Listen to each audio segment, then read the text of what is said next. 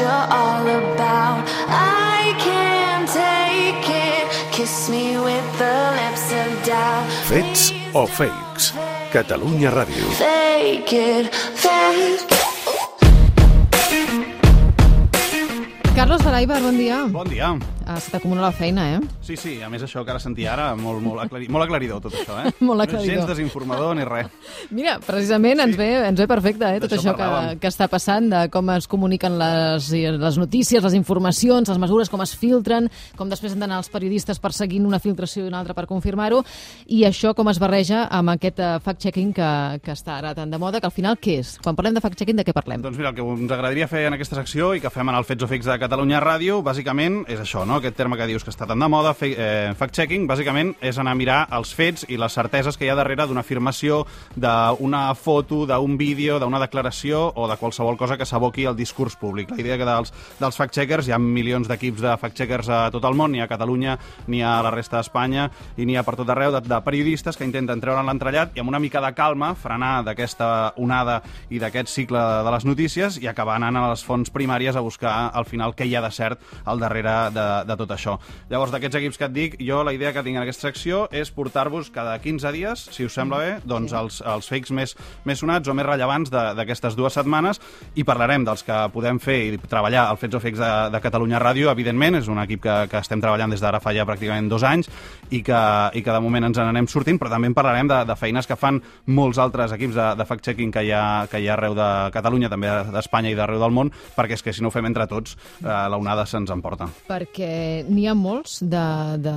Ha moltes de notícies que siguin falses, de fake news? Mm, Jo crec que a nivell de Catalunya um, encara estem uh, en bolquers, afortunadament. És a dir, estem en un nivell de desinformació. Tot, en general, Sí, no? una no només mica. amb, amb les fake news. I, I en aquest sentit uh, podem estar contents perquè al final, quan arribi tot uh, la, la, la onada i tots els recursos que s'hi posen en altres llocs del món, per exemple, uh, els Estats Units ara estan d'eleccions i allò seria com uh, la Champions League de les fake news, amb gent uh, fent campanyes de desinformació uh, orquestrades, coordinades, creant webs falses eh, i creant directament notícies falses eh, a mida per enganyar un determinat tipus de públic. Això encara no ha arribat aquí i estem aquí surfejant una miqueta més en aquesta desinformació institucional que vi- vivim en el dia a dia.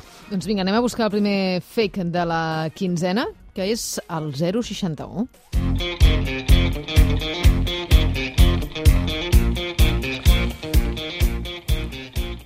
I aquest sí que és nostre, és una feina de, del Fets o Fakes que ens hem estat eh, treballant durant eh, l'últim mes aproximadament i, i, i déu nhi la feina, la feina que ens ha portat i estem en un cas d'aquests d'una certa desinformació que surt des de la- des de la- des de l'administració. no?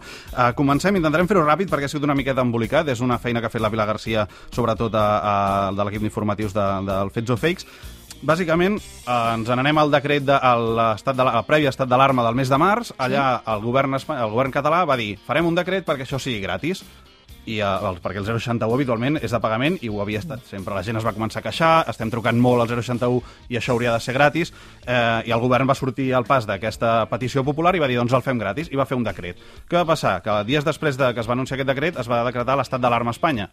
I al decretar-se l'estat d'alarma a tot Espanya, el govern central va tancar un acord amb totes les teleoperadores perquè això fos gratis. Llavors, el 061 va ser gratis durant l'estat d'alarma, però no va ser gràcies al decret de la Generalitat, va ser gràcies a aquest acord del govern central amb les operadores.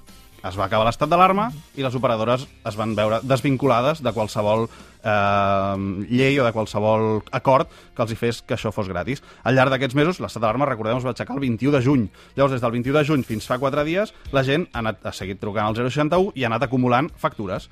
Movistar cobra l'establiment de trucades, si truques des del fix també et, co- es, et cobrava el minutatge, Yoigo, Parlem, et cobra tot el minutatge, Orange et cobra eh, l'establiment de trucada, i durant aquest temps, doncs, hem anat, eh, en l'últim mes, vam començar a veure que hi havia molta gent que es queixava, i el que vam fer és, doncs això, buscar els documents, els fets, que ens corroboressin que això fos cert. Vam acumular moltes factures i vam poder elaborar una notícia explicant això, que el 061 no era gratis, com havia dit el govern. Per tant, podríem dir que estàvem eh, davant d'un fake. S'havia instal·lat que el 061 era gratis, doncs no ho va ser.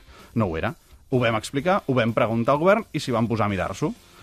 Al cap d'uns dies ens van tornar a sortir en roda de premsa, en aquest cas directament la portaveu del govern, Meritxell Budó, va sortir en roda de premsa i va dir el 061 tornarà, ja serà gratis, ens hi hem posat i serà gratis. Però et miraves la lletra petita del que es va anunciar I no. i, es, i no ho era. Es va anunciar unes subvencions per les empreses i les teleoperadores que no havien firmat aquell acord abans amb l'estat eh, central. L'estat havia firmat doncs, un acord amb Movistar, amb Orange, amb Yoigo, amb les grans, doncs totes aquestes quedaven fora d'aquestes subvencions que li havia de donar el govern perquè poguessin fer que això fos gratis. Per tant, després d'aquest anunci del govern de l'hem fet gratis, doncs no, no el van fer gratis per la gran majoria dels usuaris. Vam tornar a treballar el tema, vam concertar que això fos així, vam comprovar-ho amb totes les fonts amb les que vam poder parlar i vam poder tornar a dir que, efectivament, malgrat el que havia dit el govern, el 061 seguia sense ser gratis. Finalment, a la tercera ha anat la vençuda i aquest fake s'ha anat convertint en, fake, en fet i el govern eh, finalment eh, està concertant ara aquests dies o està en converses amb, les, amb totes les operadores per donar-los uns diners i que aquestes operadores, tant grans com petites, ja no cobrin aquests diners eh, als usuaris. Mm, també t'he de dir que ara, amb el nou estat d'alarma, la veritat és que no sé com ha quedat, però la història és que encara ens falta un últim pas per concertar que això és un fet, que serà, doncs, d'aquí un mes, buscar una factura d'una trucada al 061 que estigui a zero. Clar. Aquell dia serà el dia que podrem certificar, efectivament, que el 061 és gratis. Però, de moment, el que sabem és que el govern i les operadores, confirmat per les dues parts, estan parlant totes perquè aquests diners no els hagi de pagar l'usuari, no els hagi de pagar la gent que ha de trucar al 061, que, a més a més, n'hem parlat amb molts usuaris, hi ha molta gent que s'hi està hores i molta, molta, molta estona perquè li agafin el telèfon al 061, això seria un altre tema, però realment hi havia factures molt grans, de 7, 8 euros fins a 35 euros alguna factura d'una trucada al 061. O sigui que eh, això, aquest fake, mm, s'ha anat convertint en fet i estem a les portes de que s'acabi de, de, de al confirmar. llim, no? Estaria Sí. en, en, a mig camí entre el fake i el fake. Sí, la veritat és que ens falta això, acabar de... que, que rubriqui aquest acord amb les operadores i que puguem dir finalment que el 061 és gratis a Catalunya. Ara, set mesos, eh? Han passat. Sí, i el que passa... Mm, Sí, és això, és això. I, I a més a més hi ha aquesta part no, de que la Generalitat es creia que el decret funcionava, les operadores no se sentien eh, vinculades per aquest decret de la Generalitat i al final la Generalitat, eh, d'una manera o d'una altra, ha acabat admetent que aquell decret que va fer, dient-li a les operadores feu això gratis, no tenia cap mm, valor ni cap capacitat ni cap competència per obligar les operadores a fer això, a fer, a fer això gratis. Vinga, anem a buscar el segon fake de la quinzena. A veure, a veure. Òscar Fernández contra José Zaragoza. Que li vols mal, Òscar? Segur que a l'Òscar li haurà encantat aquest títol, que no recordava que li havia posat, però no tant contra, sinó... Eh, aquest, aquest fake eh, eh, m'agrada perquè va, surt de- surt de- d'aquí del Matí de Catalunya Ràdio. No dic que feu fakes aquí al Matí de, de Catalunya Gràcies. Ràdio, sinó que d'aquí surt el fet. Perquè segurament tu recordaràs que vas entrevistar Miquel Iceta el 15 d'octubre i que em vas treure un titular en el que Iceta feia referència a què passaria si els, eh, si els independentistes aconseguien més del 50% a les eleccions. Sentim-lo, doncs Miquel Iceta va dir això. et dona més força per negociar. Per negociar què? Per negociar eh, autogovern, per negociar finançament o per intentar, si vols, que és el que sembla que, que volen negociar un referèndum. Ara, et garanteix que ho tindràs? No.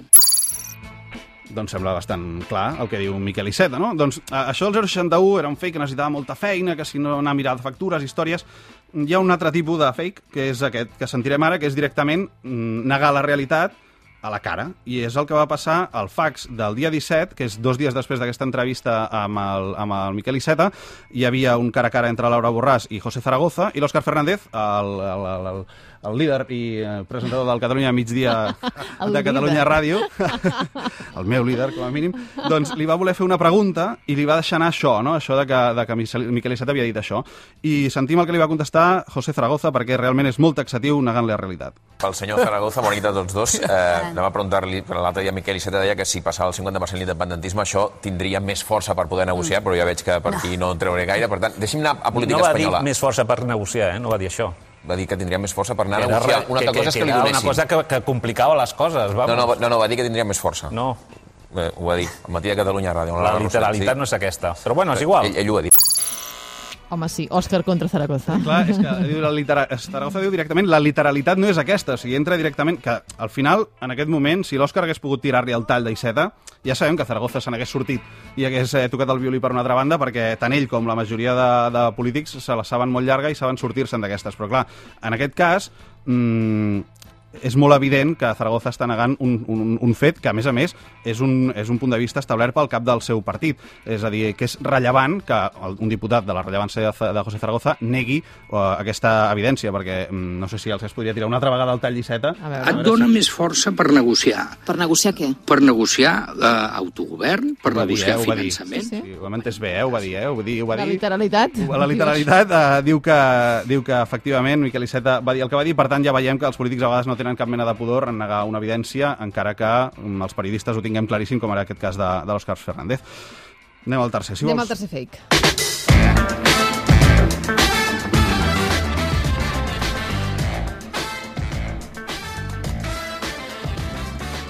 I aquest és un que ja comença a ser, bé, ja fa molt de temps que és molt habitual. Uh, hi ha moltíssima gent, i cada vegada més, l'última vegada que, que es va preguntar, i que en tinc constància per enquesta, eh, el 30% dels espanyols s'informa prioritàriament per WhatsApp.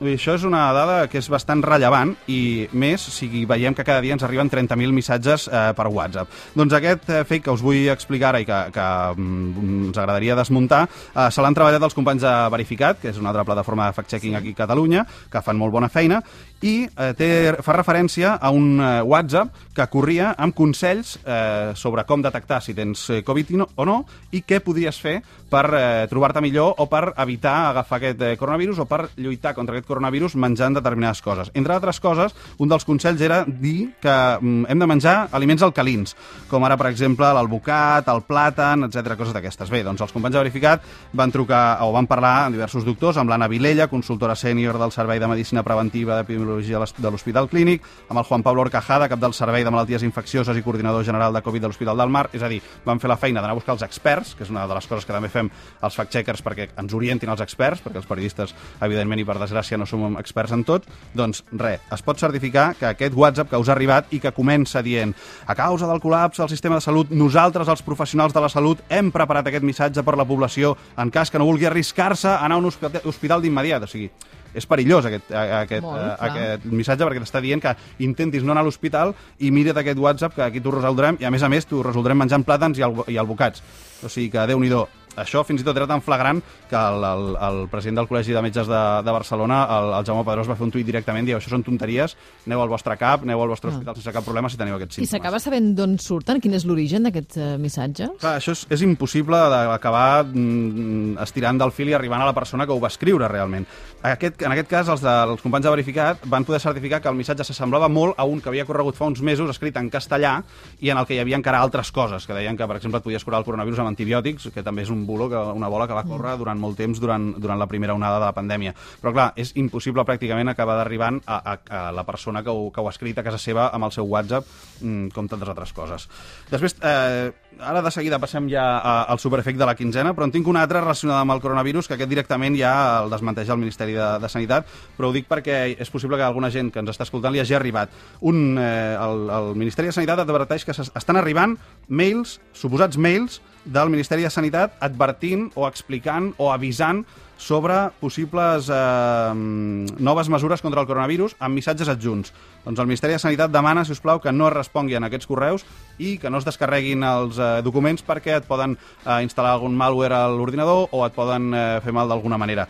És, per tant, ja, bé, eh, podríem pensar, el Ministeri de Sanitat no, ens ha, no té per què escriure'ns un correu electrònic, però vaja, si us trobeu un correu electrònic amb una adreça que es diu aviso arroba mscbs.gov.es i que sembla tot del Ministeri de Sanitat, no ho és. No ho per és. tant, esborreu-lo a la paperera i ni cas.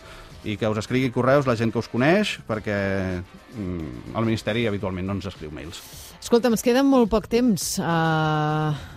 Què vols fer? El superefecte de la quinzena, eh, si vols ens el guardem. Vaja, és interessant, eh? Si em dones 3 minuts te l'explico molt ràpid.